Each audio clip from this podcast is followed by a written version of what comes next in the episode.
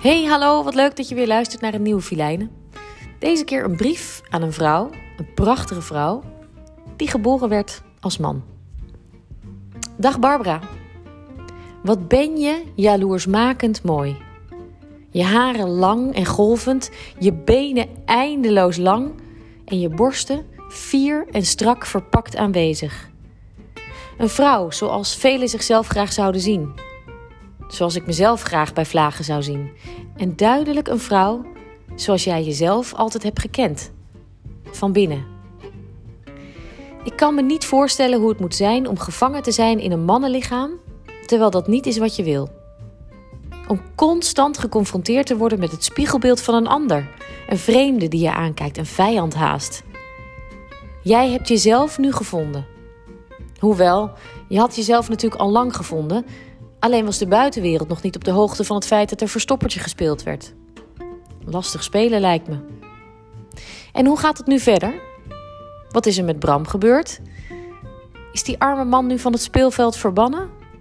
Heeft hij jouw levenspodium verlaten, voorgoed? Of gaan jij en hij zo af en toe nog eens in gesprek? Glas wijn erbij, vergelijkend warenonderzoek uitvoeren.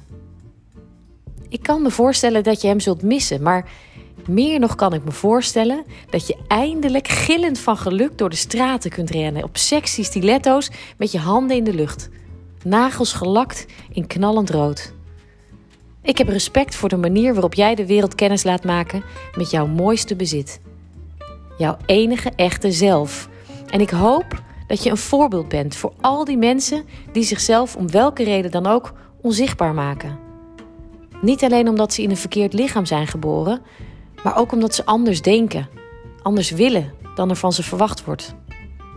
Omdat ze door welke realistische of denkbeeldige vijand dan ook worden beperkt. Omdat ze niet durven houden van een mens van hetzelfde geslacht.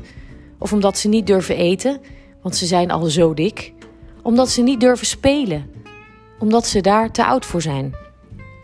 Laat de energie die jij uitstraalt een enorme inspiratie zijn voor al die mensen. Ik geloof namelijk dat mensen die gelukkig zijn met zichzelf een enorme goede invloed hebben op de mensen om zich heen. En wie weet, leidt dat nog eens tot wereldvrede. Met dat in het vooruitzicht lijkt mij heel duidelijk wie de nieuwe Miss World 2022 wordt. Respectvolle groet, Filijnen.